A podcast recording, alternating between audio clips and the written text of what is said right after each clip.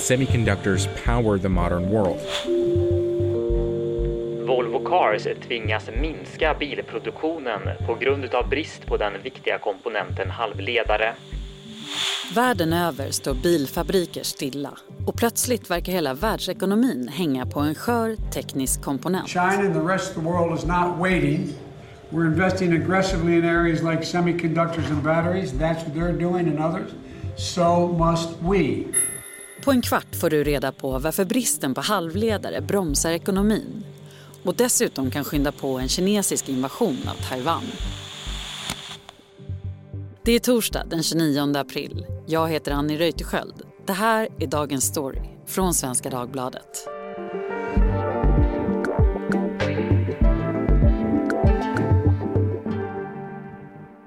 Vi ska prata om en liten teknisk komponent eller en världskedjas svagaste länk kanske man kan säga.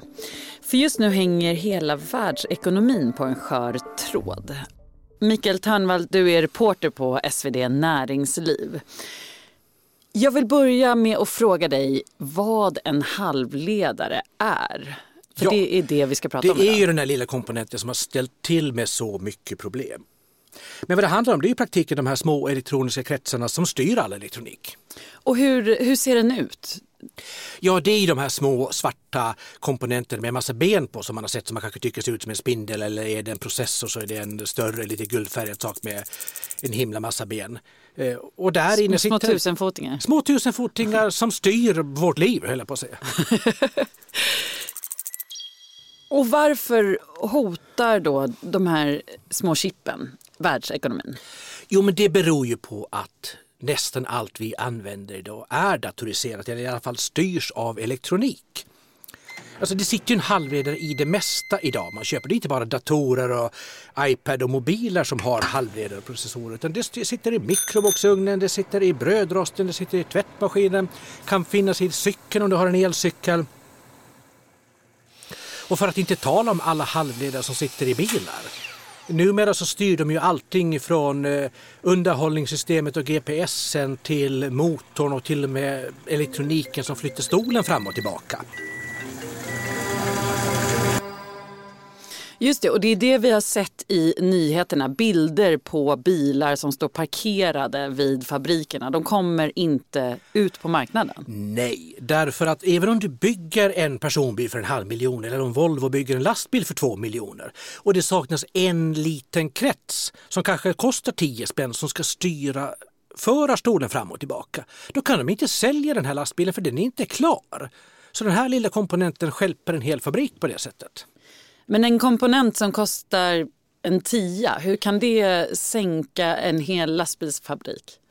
Jo, men det beror ju på att just tack vare att den här tekniken har blivit så billig som de här komponenterna finns överallt. Det är så många av de här små halvledarna som sitter i till exempel bilar. De är ju inte mer avancerade än en dator från 1982. Men de är ändå vitala för just den funktionen. Det kan vara till exempel att den sitter och styr en liten bildskärm som varnar för oljetrycket eller den kan styra eh, stolen som flyttas fram och tillbaka. Och det är en väldigt enkel komponent. Men det är billigt att bygga med elektronik istället för andra komponenter idag. Det är förmodligen billigare att bygga en snygg display för hastighetsmätaren istället för att ha en sån gammal rundmätare eh, med nål på. Det ser flashigare ut men det är billigt och det är klart att eh, då väljer biltillverkarna att proppa bilen full med sådana här små billiga komponenter.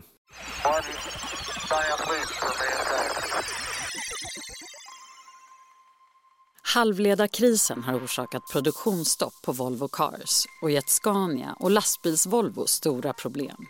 Men de svenska storföretagen är långt ifrån ensamma. GM, Ford, Toyota, Nissan, Volkswagen har alla tvingats till fabriksstopp eller förseningar de senaste månaderna. Hur kunde det bli så här? Alltså det är ju en rad olyckliga omständigheter som samverkar och eh, ska man förenkla det hela så kan vi dela upp det på tre kategorier. Dels har vi då pandemin. Sen har vi något som man kan kalla ren otur och sen har vi till slut också geopolitik. Pandemin då. Eh, var det startskottet för krisen? Ja, det kan man väl säga det som liksom verkligen gjorde den fördjupad. För så, som allting annat just nu så är det ju corona som påverkar allting. Och det här var problemet. Vi trodde att ekonomin skulle totalt krascha på grund av pandemin. Och det som hände då var att framförallt fordonstillverkarna ställde in alla sina order hos halvledartillverkarna. För man trodde att vi kommer inte tillverka några bilar och lastbilar det kommande året. Vi halverar order. Halvledartillverkarna, fabrikerna, de drog ner på produktionen. Och sen när lastbilstillverkarna och biltillverkarna kom på att oj då, det blev inte så stort eh, tapp som vi trodde. Vi kör full fart igen. Och man ringde till sina fabriker och sa att nu behöver vi de här halvledarna ändå ja då tar det tre månader för dem att rampa upp produktionen. Så redan där fick vi ett jätteproblem i det att när de ville ha sina produkter igen, och de här komponenterna, då fanns de inte. Shortage of silicon chips is forcing automakers to cut back on production. Sen har vi också en annan effekt av pandemin som drar åt andra hållet, nämligen att vi köper mera elektronik. Vi behöver datorer hemma när vi ska jobba hemifrån. Vi vill ha en ny iPad med större skärm när vi ska se på film hemma istället för på bio. Och allting det här driver ju upp efterfrågan på halvledare som redan blev ansen när biltillverkarna kom tillbaka med sin produktion. Och då blev ju bristen ännu större.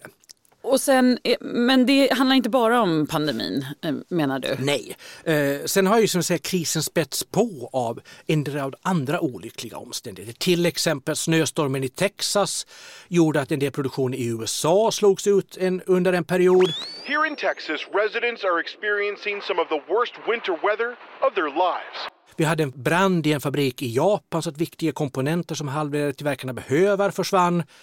Och det har ju liksom då minskat utbudet vid sidan av avbokade order.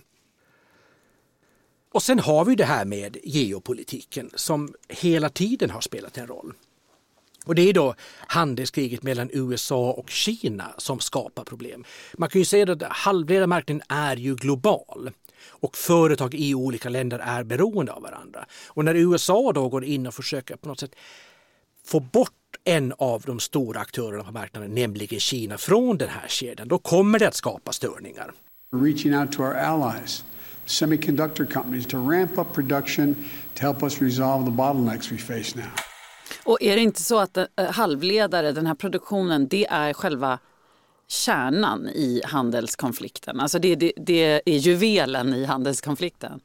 Ja, man kan säga att det är en otroligt viktig del, för det här handlar ju om makt. Och då kan man säga att geopolitiskt så kan det ha ekonomisk makt, du kan ha militär makt och du kan ha teknologisk makt. Och vi vet att Kina är på väg att gå om USA som världens största ekonomi. Och vad USA nu vill stoppa det är att Kina också går om som den militärt ledande ekonomin och den teknologiskt ledande ekonomin. Och alla de här tre faktorerna hittar ju du i det här lilla chippet? Ja, därför att vill du vara teknologiskt ledande då måste du också kunna tillverka de absolut mest avancerade processorerna. Och då pratar vi inte billiga chips som sitter i lastbil utan då pratar vi om stora processorer som sitter i datorer. Och där är inte Kina ännu idag. De kan inte göra de riktigt kompakta kretsarna med miljarder transistorer som till exempel Intel kan göra som sitter i datorerna. Och USA vill till varje pris förhindra att Kina kommer dit. Men då har vi också andra länder förutom USA som har den teknologin, alltså typ Israel och eh, Taiwan. Mm, det är i Taiwan världens största och mest avancerade halvledarfabrik finns, TSMC. Landet har sedan länge befunnit sig i centrum av en militär upptrappning mellan USA och Kina. Och i och med halvledarkrisen hamnar Taiwan i kläm igen. Nu i den teknologiska kapplöpningen mellan de båda stormakterna. Alltså Taiwan sitter ju verkligen i ett skruvstäd här därför att eh, om vi bara tittar ekonomiskt så eh, deras tillverkning, bland annat då det här eh, Taiwan Semiconductor Manufacturing Company som är världens största oberoende tillverkare av halvledare. De är ju både beroende idag av kinesiska kunder och amerikanska kunder för sin export. Så de säljer lika mycket till kinesiska mobiltillverkare till, som till en massa amerikanska företag. Och Kina är den växande marknaden? Ja, samtidigt som om USA vill begränsa Kinas tillgång till teknik så redan där finns det en risk att Taiwan måste välja. Vill vi göra affärer med USA eller med Kina? Sen kanske lite mer långsökt, men, det är klart det finns ju också någonstans eh, i, i bakhuvudet tror jag hos taiwaneserna att ju mer avancerad teknik vi exporterar till Kina desto mer då hjälper vi deras militärmakt och det kan potentiellt bli ett hot mot dem. Och å andra sidan för att göra det ännu mer komplicerat. De vet det att eh, om vi stryper exporten till Kina så ger vi dem ett incitament att invadera oss. Så på något sätt, vad de än gör så blir det ju fel. China has stepped up its military patrols.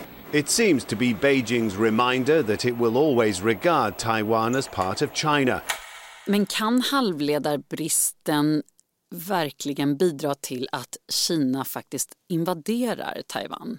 Det skulle potentiellt kunna ge Kina ett incitament för att göra slag i saken. Men vi vet ju att det ända sedan eh, Kina som nation bildades 1949 så har det funnits en ambition att också införliva Taiwan i fastlandskina. Eh, hittills har man kanske trott att eh, ja, men de kommer inte göra det, de vill lösa det på diplomatisk väg. Men säg nu att eh, eh, Kina blir mer och mer isolerat och de känner att deras enda möjlighet att få tillgång till den här teknologin, att tillverka de mest avancerade halvledarna, det är att komma över fabrikerna i Taiwan. Det skulle kunna vara ett incitament för dem att invadera. Parallellt då, när Kina blir mer och mer isolerat så har de mindre och mindre att förlora politiskt på att invadera Taiwan. För om de ändå inte får göra affärer med USA och Västeuropa i samma omfattning som idag, ja då kommer en bojkott att få allt mindre effekt om de skulle göra en sån invasion. Så risken finns, den är inte jättestor ännu. Men när man ser ansedda tidningar som Financial Times faktiskt diskuterar och ställer frågan kan det här leda till en invasion? Då, då är det nog ett hot man i alla fall måste ta på allvar. Bristen på halvledare slog mot fordonsindustrin först och enligt analysfirman LMC har närmare en halv miljon bilar försenats världen över.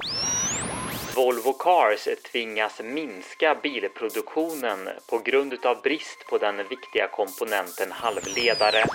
Men trots att svenska storföretag också har drabbats av krisen spår få bedömare att fordonsjobben i Sverige är i verklig fara. På lång sikt så tror jag inte att det är någon större fara för det här kommer naturligtvis att normalisera sig förr eller senare då kommer produktionen igång igen. Men jag tror att även om Scania, Volvo och eh, är väl eh, biltillverkarna AB, eh, Volvo Cars går bra just nu. Så det är klart att om de tvingas verkligen dra ner på produktionen och kanske ha bara har stängt en, två dagar i veckan så kommer man inte ge arbetarna full lön när de inte jobbar utan då kommer vi att se någon form av permitteringar. Men om det här är så pass viktig och också sårbar produktion, hur kommer det sig att man inte har nationell produktion då i respektive land?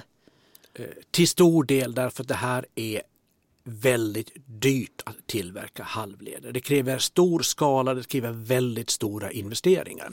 Men om vi backar några år så hade ju Ericsson en halvledartillverkning i Sverige för ett antal år sedan. Den la man ner för det var inte lönsamt att tillverka halvledare i liten skala i Sverige. Det är enorma fabriker som kan kosta flera miljarder dollar, uppemot 10 miljarder dollar att bygga. De finns bara på några få ställen i världen. Det är ju förklaringen till att man kan köpa säkerhets för en dollar som styr en brödrost eller en mikroboxugn. Eh, men det är också förklaringen till varför har vi blivit så sårbara? Varför har vi så få fabriker som gör det här. Hur ser en lösning ut? Hur, hur lång väntas den här krisen eh, bli? Ja, om vi tar bort den politiska krisen som är omöjligt att säga hur lång tid det kommer att ta så, så är det klart man kommer alltid ta sig igenom sådana här kriser. Man kommer att eh, jobba i fatt brister. Och det finns lite olika uppgifter på hur lång tid det kommer att ta. Det är jättesvårt att bedöma. Speciellt med tanke på att vi är fortfarande i en pandemi och vi vet inte om det kommer en ny dipp och så vidare.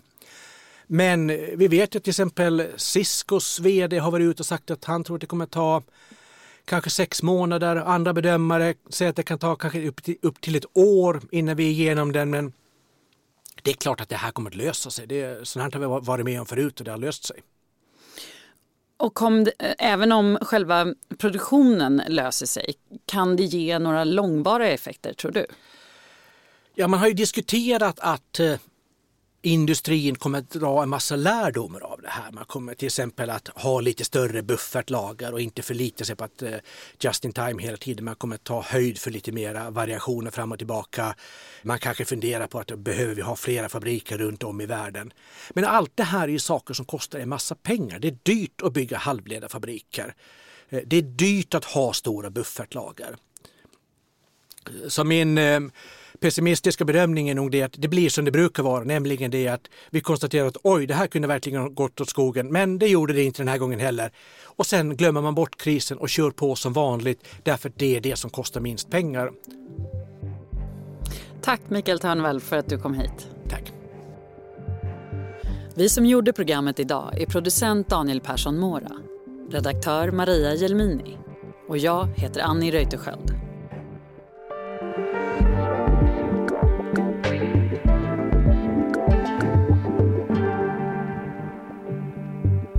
Du har lyssnat på Dagens Story från Svenska Dagbladet. Ett ämne, 15 minuter varje vardag. Ljudklippen är idag hämtade från CNBC, Deutsche Welle, Sveriges Radio och Al Jazeera.